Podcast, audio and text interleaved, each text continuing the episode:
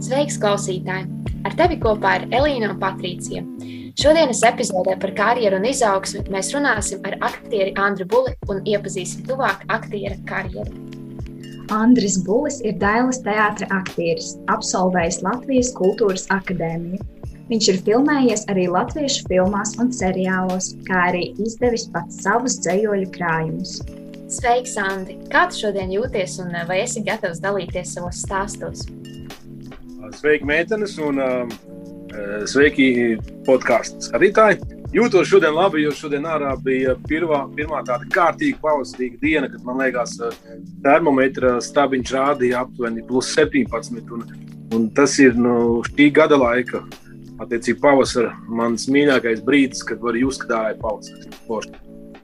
Super, liels prieks par tavu labo noskaņojumu. Arī mēs esam ļoti iepriecinātas, ka mums ir šāda iespēja sarunāties ar tevi. Tad man te pats pirmais jautājums ir tāds, kā tu izdomāji to, ka tu vēlēsies kļūt par aktieri? Kādā vecumā tu jau sāki apzināties, ka tevi interesē tieši aktieru māksla? Uh, to es apzinājos, uh, sāku apzināties 17 gadu vecumā. Uh, mācoties 12. klasē, diezgan vēlu. Uh, nu, tagad jaunieši es pieļauju, ka daudz ātrāk zina, ko viņi grib. Man noteicošais bija kaut kur noteikti iestāties pēc 12. klases, jo tas bija 2000. gads, kad, ja tu neesi iestājies augstskolā, tad varēja mani paņemt armijā. Un, uh, ņemot vērā, ka es ļoti nopietni spēlēju basketbolu, tad uh, primāri mana izvēle krita uz Latvijas Sporta pedagoģisko akadēmiju. Bet tā kā tur iestāja eksāmeni bija diezgan vēlu, tad drošības pēc es sāku interesēties par citām iespējām. Vēl viens variants bija Latvijas Universitāte Angļu filoloģija, jo man patika angļu valoda. Un nejauši man klases biedri skolā ieteica, ka ir Latvijas Kultūras Akadēmija, kur uh, arī nevajag matemātiku iestāja eksāmenos, ir diezgan interesanta profesija kā aktieri. Atzīšos, ka teātrī līdz tam biju bijis tikai divas reizes. Es par to nelepojos, bet uh, nu, es gāju, mēģināju stāties. Un, uh, izrādās, ka tajā gadā tieši stājoties uz aktieriem, bija otrais lielākais konkurss aiz Latvijas Universitātes juridisko fakultāti. Mēs bijām 16 cilvēki uz vienu vietu, budžeta vietu. Un tā kā es trešais biju, tad es uh, drošības pēc domāju, palikšu. Pamācīšos vienu gadu. Bet uh, tas interesantākais bija tas, ka ļoti radoši priekšmeti, paukošana, dejošana, modernais balets, skatuves runa, aktieru meistarība, dažādi mākslas, vēstures, teorijas priekšmeti. Un pēc gada domāju, nu labi, pamēģināšu vēl vienu gadu. Nu, tā viss četrus. Plus bija tas, ka mēs bijām ļoti interesants kurs. Mēs bijām no visas Latvijas, no Rīgas bija tik iestājušies divi.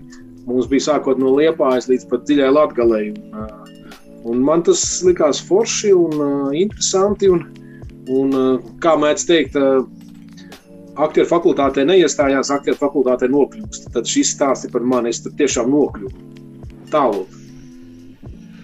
Nu jā, tu jau nedaudz pastāstīji par uh, savām studijām un uh, to, kā, kā tev tur gāja. Un kā veicās ar darba meklējumiem uh, pēc uh, augstskolas uh, pabeigšanas? Vai bija viegli atrast darbu? Um, Es iestājos Liepājas kursā, jo pēdējos gados ir bijis tā, ka arī uzņemt tā teikt, aktierus bez konkrēta teātra, bet es stājos ar, ar virzību uz Liepāju. Bet eh, mēs Liepājā nospēlējām tikai diplomu darbu, un eh, tad man bija piedāvājums eh, strādāt Latvijas Nacionālajā teātrī, kur es divus gadus nostrādāju štatā. Un tad bija ļoti svarīgs pagrieziens manā, tā teikt, aktieru karjerā, Eh, gatavojot diplomu darbu Romeo un Džulietu. Eh, Liepājā es iepazinos ar eh, režisoru Gaļinu Poļušķuku, kura bija tikko atbraukusi no Maskavas, un viņa piedāvāja tieši uz Nacionālo teātri iet un iestudēt izrādu būtvējus. Savukārt pēc tiem diviem gadiem viņa piedāvāja dibināt neatkarīgu teātri. Un, ja nemaldos, 2000. 7. gadā vai 2006. gadā mēs nodibinājām ar pāris aktieriem kopā Eh, neatkarīgu teātri, saucās Teātris observatorija. Kopā nostrādājām septiņus gadus tur. Pēc tam kļuvu neatkarīgais uh, aktieris, jau kā moderni saka, freelanceris, līdz uh, brīdim, kad jau tagad trešo sezonu esmu Dēls teātrī. Vai atrast vieglu darbu, uh, tas ļoti atkarīgs jo šajā profesijā daudz kas atkarīgs no ļoti veiksmīgām sakritībām. Vai tu atrodi kādu režisoru, kurš grib ar tevi strādāt, vai tevi jau pamana kursa darbos, vai tev pēc tipāža kāds teātris meklē un tu atbilsti. Un, un uh, kas otrs ir svarīgākais, ja tev dod to lielo iespēju spēlēt pirmo lielo lomu vai ne tik lielu, kā tu iztur šīs ugunskristības. Ja aiziet labi, tad ar tevi rēķinās, ja uzreiz tev neizdodas, tā teikt, iešaut zvaigznēs, tad, uh, tad jāgaida otra iespēja. Protams, ja mēs salīdzinām Latviju ar kādu Krieviju vai citu valsti, tad uh, mums teātris nav ļoti daudz lielie, bet toties, par ko man ir prieks, ka pēdējos gados ir parādījušies ļoti daudz mazie neatkarīgie teātri, tādi teātri, kādi, kādu mēs dibinājām. Un, un ja jauni teātri mīļotāji, aktieri, kuri beiguši, ir uzņēmīgi, tad, tad droši atrast savu darbu ir ne tikai teātris, uz skatuves, protams, ir arī seriāli, ir uh, retas filmas un reklāmas, bet, uh, ja grib, tad var atrast ļoti interesants tev tas stāsts ir. Es pati esmu interesējusies arī par aktieru mākslas studijām. Izpētīju Latvijas Kultūras Akadēmijas piedāvājumu un konstatēju, ka tur, lai iestātos aktieru kursā, ir jānokārto četri tādi, manuprāt, ļoti izaicinoši iestāju pārbaudījumi. Tad man te ir tāds jautājums, ko tu ieteiktu jauniešiem, kuri vēlas studēt aktieru mākslu, un uh, varbūt kā viņiem nebaidīties uh, un būt pārliecinātiem par sevi šajos iestāju eksāmenos? Ļoti labs jautājums, jo es stājos un iestājos un arī pabeidzu saucamo Liepājas muzikālo kursu. Tad, tad, tas ir tāds kurs, kurā tomēr dziedāšanai ir izteikti liela loma. Atzīšos, ka līdz akadēmijai es nebiju dziedājis konkrēti, nu, cik nu mūzikas stundās, un varbūt divus gadus korī, jo korī bija jādzed obligāti. Bet ņemot vērā savu sporta aktivitātes, es arī korī beigās nedziedāju, un dziedāšana man bija sveša. Tad es noteikti jauniešiem ieteiktu, ja ir iespējas mācīties dziedāt, izvēlēties kādu mūzikas instrumentu, ja var apgūt vairākus, tas, to, tas būs vienmēr pluss. Un kas ir ļoti svarīgi, būt fiziski aktīviem, sportot, Jo šajos laikos aktierim jābūt diezgan universālam. Viņam jāprot dziedāt, viņam jābūt labā fiziskā formā. Un, uh, lai varētu konkurēt ne tikai savā starpā, bet teiksim, arī aiz robežām. Tie būtu tādi divi faktori, kas uzreiz, manuprāt, nāk prātā. Ir pēc iespējas vairāk apgūt dažādas mūzikas priekšmetus, nu, tas ir instruments, sportot, un, protams, zināt, un lasīt un interesēties par kultūru, jo, jo plašāks redzesloks un zināšanas kultūrā, jo uh, jo arī, ja tāda drīkst teikt, profesionāli jaunam aktierim izveidojās mm, tā teikt, kanons vai, vai stila izjūta vai mm, dažādas citas profesionālas lietas, par kurām viņš nu, nekļūst banāls, nekļūst garlaicīgs. Jo es esmu braukājis pa skolām un runājis ar jauniešiem tieši par savu profesiju. Man dažkārt pārsteidz, ka jaunieši ir zinoši, viņiem daudz kas interesē. Varbūt viņi daudz teikt, ir e, noliedzošāki nekā agrāk, jo mūs vienmēr var salīdzināt ar Holivudas aktieriem un pajautāt, kāpēc Holivudā var un Latvijā nevar. Bet pašā laikā, jo plašāks redzesloks, jo, jo gudrāks aktieris. Un gudrs aktieris tā ir vērtība. Jā, skaidrs. Paldies par šo atbildi. Noteikti daudzi varēs apdomāt teikt, savus nākotnes lēmumus, ja tas ir saistīts ar vēlmi kļūt par aktieri. Um, tu jau pieskāries tai tēmai, ko es tik ļoti vēlētos arī pārunāt ar tevi, uh, jo man interesē tas, ko tu domā par um, to, ka daudzi cilvēki apgalvo, ka aktiera profesija nav nopietna un uh, neiesaka jauniešiem doties studēt to bet tu tomēr uzskati, ka ir vērts mēģināt? Ja jaunietis vēlās un viņš jūt, ka viņam ir interese, un tiešām viņš to grib apgūt nopietni, nevis tikai tā, ah, ja aiziešu patēlot aktierīti, tad, tad es noteikti to ieteiktu, jo, jo šī ir ļoti grūta profesija. Tādēļ es nepiekrītu tiem cilvēkiem, kuriem šķiet, ka tas ir ļoti vienkārši. Un, Un, tas viss ir muļķīgi, tādēļ, ka šī profesija, kura prasa mācīties nepārtraukti, beidzot vienu lomu, nākamā ir jauns izaicinājums. Ja, piemēram, man jāspēlē ar ārsts, tad es tiešām eju uz slimnīcu, tiekos ar ārstiem, jautāju, kāda ir viņu ikdiena. Ja man jāspēlē, piemēram, nu, nezinu, profesionāls sportists, es eju pie profesionāliem sportistiem, prasu, kāds viņa dienu ritms ir, mēģinu saprast, kā domā cilvēks. Tā ir, tā ir profesija, kas visu laiku liek domāt uh, un iejusties citu cilvēku kādā. Un, un, uh, lai gan arī mums ir limitēts darba laiks no 10 līdz 5, kad mēs mēģinām, bet ir ļoti daudz uzdevumu, kas jāizdara mājās. Jātaisa novērojumi, jāatrod kādā filmā prototyps vai jāizdomā dažādas interesantas situācijas. Uh, man patīk, ka tā profesija visu laiku liek, uh, liek būt formā. Un, protams, ka ir cilvēki, kuri uzskatīs, ka mēs esam tādi dīvaini cilvēci, kuri kaut ko dara uz skatuves un kuriem aplaudē.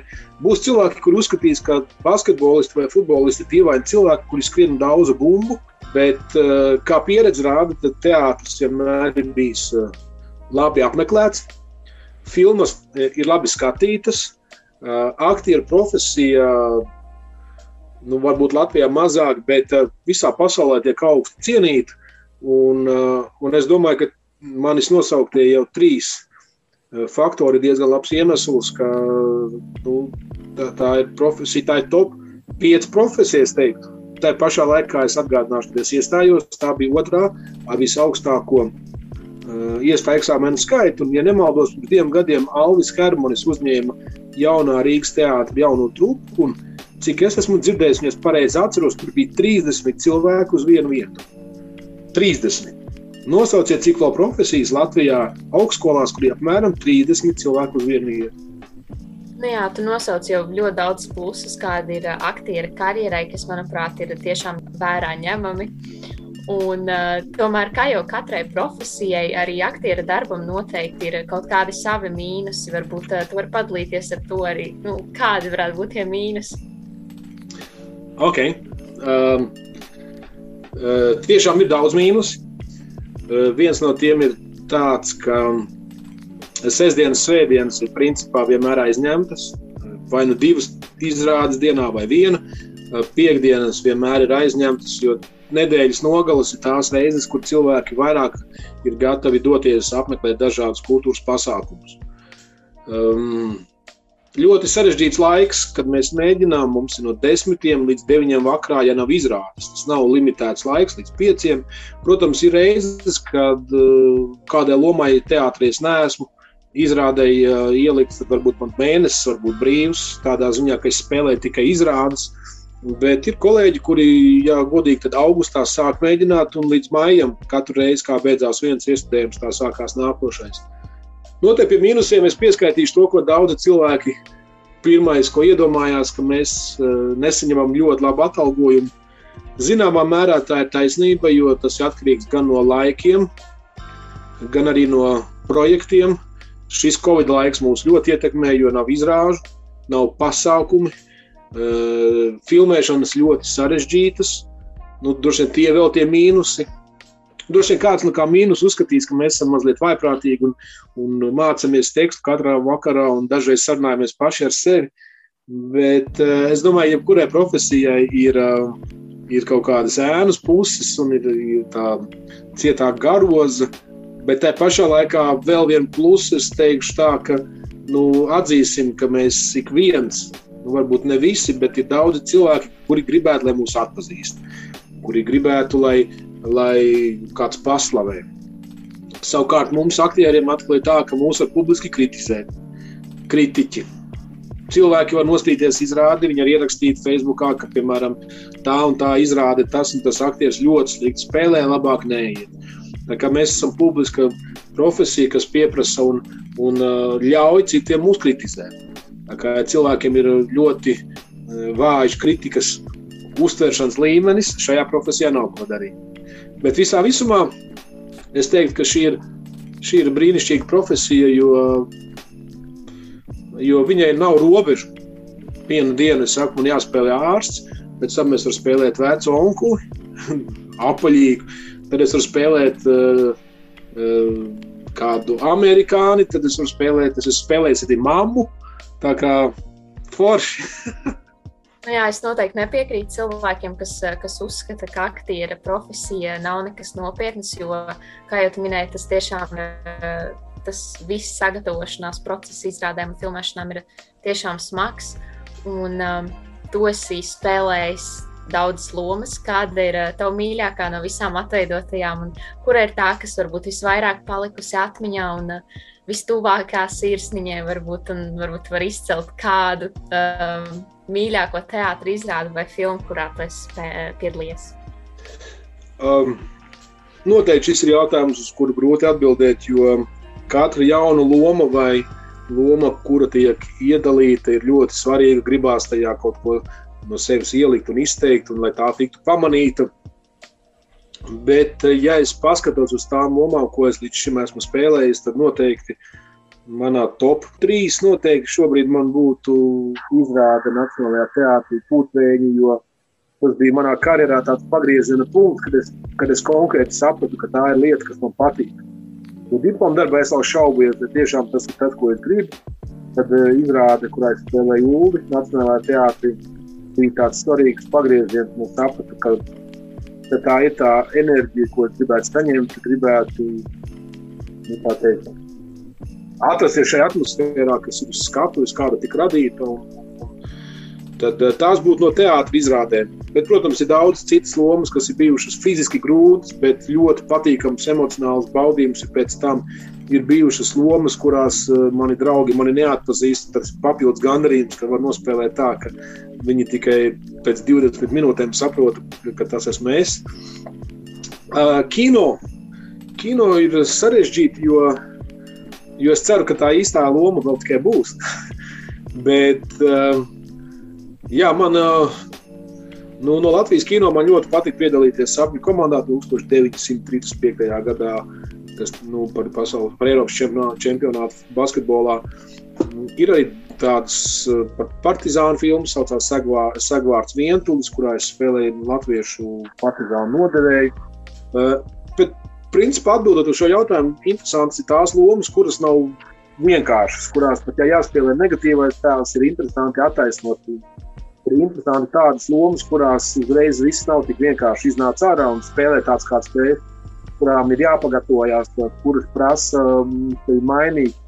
Vai tas ir ar palīdzību, vai tā ir palīdzība ar kostīmu vai kādiem citiem rekvizītiem. Bet, uh, Jā, kino ir forši tas, kas ir visi naturālā vidē. Ja ir augsts, tad ir mežā, ja ir ja jābūt lapiem, tad ir slapjš. Teātrī viss tomēr daudz vairāk vai mazāk ir nosacīts. Tad kino man ir tā salīdzinājumi patīk vairāk, bet formā vienmēr uztur teātris. Es varu padalīties ar uh, izrādi, kas man ļoti, ļoti patika. Tā ir um, talantīgais Mistrs Riplijs, kur tu atveidoji Richarda Grīnlifa lomu. Un, uh, man vispār ļoti, ļoti patīk tādi psiholoģiski stāsti, un tā pašā laikā arī stāsti, kuros ir humora deva. Un uh, šī izrāde manī reizē tādas ļoti īpatnējas un interesantas sajūtas, uh, it īpaši pašās beigās, un uh, tās noteikti nepameta mani vēl ilgu laiku, tāpēc uh, es, uh, es vienmēr atgriežos pie šīs izrādes kaut kā. Paldies, Elīna! Jā, es starp citu arī runājot par izrādēm, kurās tu esi spēlējis, esmu redzējusi izrādi Lauva ziemā. Un arī noteikti, ja būtu vēl iespēja noskatīties šo izrādi, tad noteikti es to darītu. Un um, runājot par lomām, uh, varbūt tev nāk prātā, ka ir bijusi kāda loma, kuru tu ļoti gribēji, taču tomēr tev tā netika piešķirta. Starp citu, labs jautājums, jo ja runājam par to pašu lauvu ziemā, tad um, mēs bijām četri aktieri uz trīs lomām. Un skaidrs, ka viens būs uh, tas, kurš uh, nebūs vispār. Un, uh, pirmo reizi dzīvē manā karjerā, un tas ir tas, ar ko arī būtu jārēķinās, ja kāds jaunais talants gribētu spēlēt, stāties, ka vienmēr nebūs galvenās lomas vai lielas lomas. Būs arī tāda maza loma kā lauvā lauva ziemā, kurā man, jā, kurā man jāpiesaka karalis vai jāatsaka karalis. Bet situācija arī bija interesanta, jo mēs bijām četri uz trīs lomām. Eh, un sanāca tā, ka režisors Morfovs, kurš ir autors, nu, režisors eh, izrādē, tas bija mans otrais, pirmais gads, pirmais gads teātrī. Un, uh, viņš izvēlējās citus aktierus. Mani ne, jo viņš mani nezināja. Nebija ar mani strādājis, bet, uh, bet tā kā šis mēģinājuma process bija diezgan interesants un uh, man saistošs, un mēs daudz runājām, diskutējām, tad viņš to lomu, ko es spēlēju, pierakstīja klāt. Pēc idejas, pēc lūgas manai lomai tur nebija jābūt. Tad viņš pierakstīja klāti, lai kaut kādā veidā tomēr es arī tiktu uz tās skatuves un izrādīju. Un, un par to liels prieks, ka arī tā gadās, ka tava loma nav paredzēta, bet uh, viss sastājās tā, ka tev, tev pieliek šo lomu klāt, kas vēsturiski tāds personāžs ir bijis, bet lugā viņš nav paredzēts. Un, un tas bija forši, un uh, tas arī tāds patīkams brīdis. Un, protams, ka es tur gribēju spēlēt kādu citu lomu, kādu lielāku lomu, bet uh, uz šo jautājumu atbildot, es līdz šim vienmēr esmu piegājis visām lietām pragmatiski. Ja man neiedod šo lomu, jo režisors mani tur neredz, es uzticos un uzskatu, ka tā ir jābūt. Es nekad nedomāju, ka pa lomu vajadzētu iet un strīdēties un lūgties vai mēģināt pierādīt, ka es, es esmu pelnījis šo lomu. Tā ir laikam tāda lieta, kas atšķiras no krievu aktieriem, ar kuriem es esmu kopā strādājis. Kur ir tā, var iet un režisoram sūdzēties un teikt, ka kāpēc nepaņēma, kad lai dod iespēju. Es tādā ziņā esmu diezgan delikāts, ja mani neredz šajā lomā, es nelaužu. Bet līdz ar to, vai ir kāda loma, kur es gribētu spēlēt, man nav iedot, nav. Arī to pašu Mr. Ripley. Man ļoti patika, ka man iedeva tieši to lomu spēlēt. Viņi man būtu piedāvājuši spēlēt pašu Ripley, es nezinu, ko es gribētu. Bet uh, Ričards spēlēt, jā, man likās forši. man vispār ļoti, ļoti patika šī loma, un tā bija mana mīļākā visā, visā izrādē. Man, man tiešām liekas, ka tev ļoti labi piestāvēja šī loma. Kā, tas, manuprāt, ir tiešām ļoti izdevies uh, lēmums. Un, uh, vai ir kāds aktieris vai personība, kas tev visvairāk iedvesmo? O, jā, tie ir mainījušies laika posmos, un, um, bet tāds aktieru etalons, kuram es gribētu nevis teikt, ka līdzināties, bet kura darba spējas man ir vienmēr pārsteigušas, ir, ir brītu aktieris Daniels Deiluis. Viņš šķiet ir vienīgais vīriešu lomas atveidotais, kuram ir trīs Oskari. Uh, es uzskatu, ka redzot to tās lomas, ko viņš ir spēlējis, un arī kas ir Oskarotas, tās tiešām ir tādas, nu, nu tā ir maksimālā pārvēršanās vai ieiešana tēlā, es esmu arī lasījis viņa biogrāfiju, kā viņš gatavojās lomām. Tas ir kaut kas nu, vienreizējs. Bet mani fascinē, jebkurš arī jauni, talantīgi aktieri, kuri spēlē trakas lomas un, un uh, pilnīgi metās ar visu enerģiju iekšā, lai nospēlētu šo stāstu. Uh, tas vienmēr iedvesmo. Jo nevienmēr jānoskatās ģeniāla Holivudas filma, lai tu gribētu teikt, es arī tā gribu. Dažkārt pietiek aiziet uz izrādi, kas varbūt pat nav izcili, bet ir kaut kādi mazi tādi knifiņi atrasti vai brīnišķīgi mazi vai lieli aktieru darbi šeit pat Latvijā, vai ja kādreiz atbrauc arī kādi e, viesmākslinieki, kas tev iedvesmo un gribās, un gribās arī iet un spēlēt. Tādēļ e, atbildot, e, vai man ir kāds tad es teikšu, jā, es vienmēr meklēju un gaidu, ka Danielam Dēļ Luisam būs jauna jaunu filmu, bet, bet iedvesmot var arī, arī, arī šādu sarunu, kad kāds pasaka, ka man patīk kāda tava loma, tas uzreiz dod kaut kādus tādus neredzamus spārnus un ticību tam, ka tu to vari izdarīt un tev tas, ko tu darīji, tiek novērtēts, jo mēs jau latvieši neesam tie, kas bieži izsaka komplimentus. Ja jūs domājat, ka kāds raksta vēstules tev un kaut ko baigi stāsta, ka viss ir forši un mums patīk tā izrāde, tas ļoti reti. Es domāju, mūziķi, kuri, kuri dzied superhītus, saņem daudz vairāk pateicības un mīlestības vēstules nekā aktieri, kuriem spēlē trīs stundīgas izrādes. Tā tas ir. Patiesībā diezgan skumji, jo uh, gan dziedātāji, gan aktieri ir radošo, radošo, radošo industriju pārstāvji. Un, un, uh, man liekas, ka cilvēki, tieši, kas darbojas radošajās uh, industrijās, nozarēs, ir uh, nereti saņem tiešām mazāku to atsaucību vai mazāku pateicību nekā tā ir pelnīta. Um, varbūt vari nedaudz pastāstīt par saviem hobijiem un kā tu pavadi brīvo laiku ārpus teātra, kad tu iejūties dažādos tēlos. Man ļoti patīk sportot. Ja ir iespēja, tad es ar draugiem noteikti spēlētu futbolu. Jo nu, tas ir gan apvienot patīkamu ar liederīgo. Uh, laikam es esmu diezgan vecs, ka man patīk lasīt grāmatas. Uh, varu skatīties filmas. Nu, Covid laikā, kas bija diezgan sāpīgs pagājušā gada martā, kad viss tas sākās un mēs nezinājām, kā tas viss attīstīsies, tad, tad jāatzīst, jā, ka joks par Netflix un visiem redzētiem seriāliem attiecās arī nedaudz uz mani. Bet, ja mēs runājam plašākā nozīmē, tad, protams, man ceļošana vienmēr ir bijusi saistoša, bet tajā pašā laikā, tā kā es esmu no salas brīvas nācis, tad aizbraukt uz saladrīvu, uz savu bērnības māju, pastaigāt gar pludmali. Dažkārt arī tas ir tāds fēns hobijs, kas uzlādē un, un atkal varbūt citreiz atmet domās bērnībā. Un, un, jā, tie hobiji vienmēr ir saistīti ar kaut kādu aktivitāti. Vairāk jau tas ar sportu tomēr ir. Jo no sporta nevar aizbēgt, nu, kamēr es vēl kustos. Jā, jau pieminēju to, ka Covid pandēmijas laikā esi sācis skatīties vairāk seriālus un filmas. Un varbūt tu vari vispārīgi pastāstīt, kāds bija šis pats pandēmijas sākums tev un citiem aktieriem. Jo, protams, ka katram cilvēkam bija grūti, jo tā ikdiena būtībā gan izvēle pavisam izmainījās. Taču es domāju, ka aktieriem bija visgrūtāk. Pēkšņi izrādes vairs nenotika, pulcēties vairs nedrīkstēja. Jā, Covid eh, noteikti bija psiholoģisks trieciens visiem.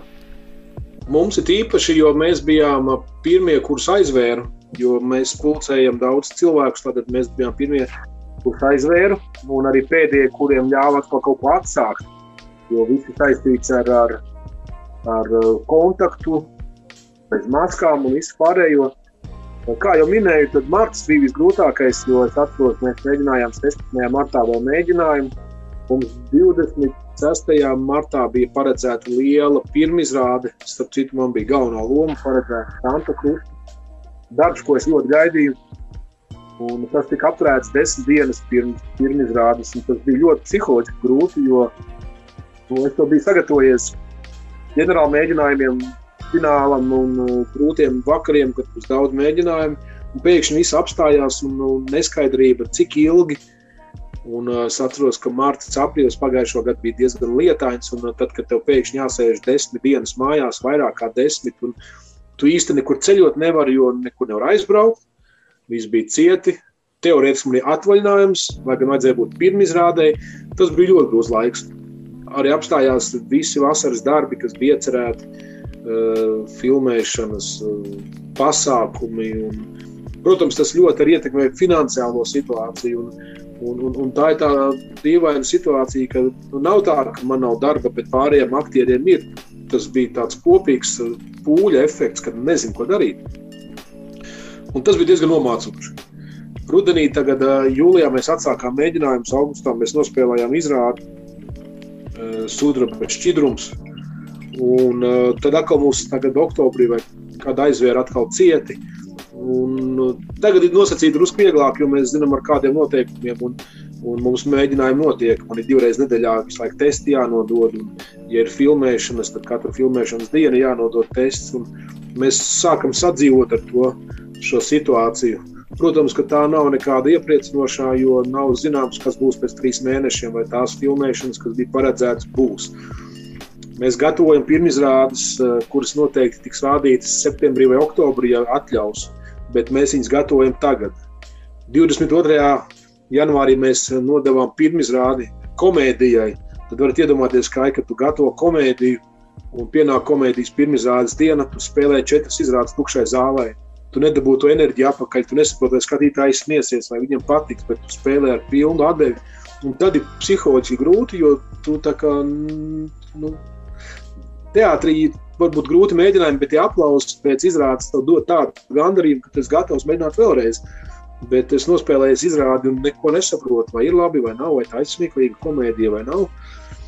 Tas ir tīri tāds um, psihofizisks grūts laiks. Un te atkal droši vien jāsaka šai profesijai tā ēnas puse, ka mēs esam ļoti ietekmējami no šādiem, no šādiem rakursiem. Covid mūs ietekmēs ļoti. Bet es nejūtos tik slikti kā, piemēram, restorānu un uh, viesnīcu īpašnieki, kad nav tūri. Kā es domāju, tiem cilvēkiem vēl grūtāk. Tā kā es eju uz teātri, lasu, gatavojos, kam man jāgatavojās. Un, Ir aktieri, kam ir vieglāk, ir kam ir grūtāk, ir kam ir darbs televīzijā, ir, ir tādi, kuriem nav, kam ir varbūt tiešām tikai teātris vienīgais. Bet uh, atgriežos pie tā teiciena, ka tas ir atkal bija iespēja izlasīt to grāmatu skaitu, kuram man nebija laiks pieķerties. Varbūt kādam uh, iespēja sakārtot savas domas, kāds varbūt paspēja kaut kādā laikā iemīlēties. Ļoti dažādi. Jā, noteikti šis laiks ir bijis tāds traģisks, ļoti žēl. Es pat neapskaužu skolnieks. Nu, piemēram, nu, es, ja man veselu gadu, desmitē vai vienpadsmitē klasē, tad kāds izņemt no manas pagātnes, es būtu prātā sajūts. Jo nu, tas ir skaistākais laiks vidusskolā. Veselu gadu tu nevari satikt savus klases biedrus. Es nezinu, es sajūtu prātā. Randiņi nav, klases vakari nav pāts. Jā, tā tiešām ir ļoti grūti, ka mēs jau, var teikt, ka gadu mācāmies mājās, un man vienmēr arī ir šķitis, ka vidusskolas gadi būs man tie paši labākie, skaistākie, interesantākie gadi. Beigās lielāko daļu būšu nosēdējusi mājās pie datora. Ļoti skumīgi. Jā, taču es uh, nevaru sagaidīt, kad dzīve iegriezīsies tā teikt, ierastajās sliedēs, un kad es varēšu aiziet uz kādu teātra izrādi, Ļoti cerams arī, ka tu tur būsi un spēlēsi kādu lomu. Un tad vēl man tāds jautājums ir, kādas ir tavas attiecības ar um, citiem aktieriem? Varbūt, ka tev ir kāda izveidojusies kāda īpaša tuva draudzība ar kādu kolēģi. Dēls teātris ir ļoti liels kolektīvs. Un, uh, man ienākot tajā pirms nu, jau divu pusi gadiem, uh, Tas bija ļoti svarīgi, ka es ļoti daudz, praktiski es visus aktierus pazinu. Visas aktrises pazinu, vai nu mēs bijām kopā kādā projektā, vai vienkārši labi draugi. Uh, es nemelošu un teikšu godīgi, ja man liktu nosaukt uh, visus jaunos aktierus citos teātros, piemēram, Nacionālajā teātrī vai, vai, vai, vai Valmierā vai Liepājā, es uh, noteikti visus nenosauktu. Un, parādoties, piemēram, kādā no seriāliem jaunam aktierim, es pēc tam uzzinu, ka viņš ir Nacionālajā teātrī, un es nekad ar viņu neesmu strādājis, es viņu nezinu. Tas nozīmē, ka mēs jaunie vispār, nu, vispār aktieri esam daudz, bet teātrī man līdz šim ir ļoti labas attiecības ar visiem. Un, protams, vislabākās attiecības ir ar maniem vienaudžiem, kurus es uzskatu par vienaudžiem. Tas ir uh, Gins Grāvelis, Lauris Dzelzīts, uh, Dainis Grūpe, Niklaus Kurtnieks, ar kur kopā mēs sēžam Grimētavā un Gins Anģāns. Mēs tiešām forši džeki zinoši, katrs savādāks. Ar kādu runāt par sportu, ar kādu runāt par mākslu, ar kādu var, var eh, man ar Gintu Grāvelu ļoti labas attiecības pēc talantīgā Mr. Riplī, kur mēs ļoti daudz runājām un domājām. Krievijas drāmas teātrī man ir viena, viena izrāde, kurā es esmu kā viesmākslinieks. Tur ir kolēģis, ar kuru es esmu kopā spēlējis pirms desmit gadiem, un mēs satikāmies tagad vēlreiz. Un, un ir ļoti patīkami katru reizi aiziet uz to teātri un satikt kolēģus. Protams, tie visi labākie tuvākie Rīgā, jo vairāk viņam nācies strādāt. Taču agri vai vēlu tur kādu no kolēģiem satiecies, ja ne tagad, tad vēlāk un tā atkal tikšanās ir forša. Bet jā, protams, ka tuvākie Tomija ir, ir Mārtiņš Upenieks, brīnišķīgs. Mēs kopā Lūlu iestudējām, tad ilgi spriedām par dažādām situācijām. Vispār, jā, dēls teātrī. Tie ir, tie ir mani uzskatīti. Pats galvenais jautājums tev šodien. Kāda, tavuprāt, ir veiksmīgas karjeras formula un kā sasniegt savas karjeras virsotnes? Redziet, manā profesijā pateikt, ka es esmu sasniedzis visu, man ir grūti pateikt, ka to varētu pateikt vai pēc Oskara, vai pēc spēļu nakts balvas, bet aktieris tas ir tāds, kuram nekad nav gana.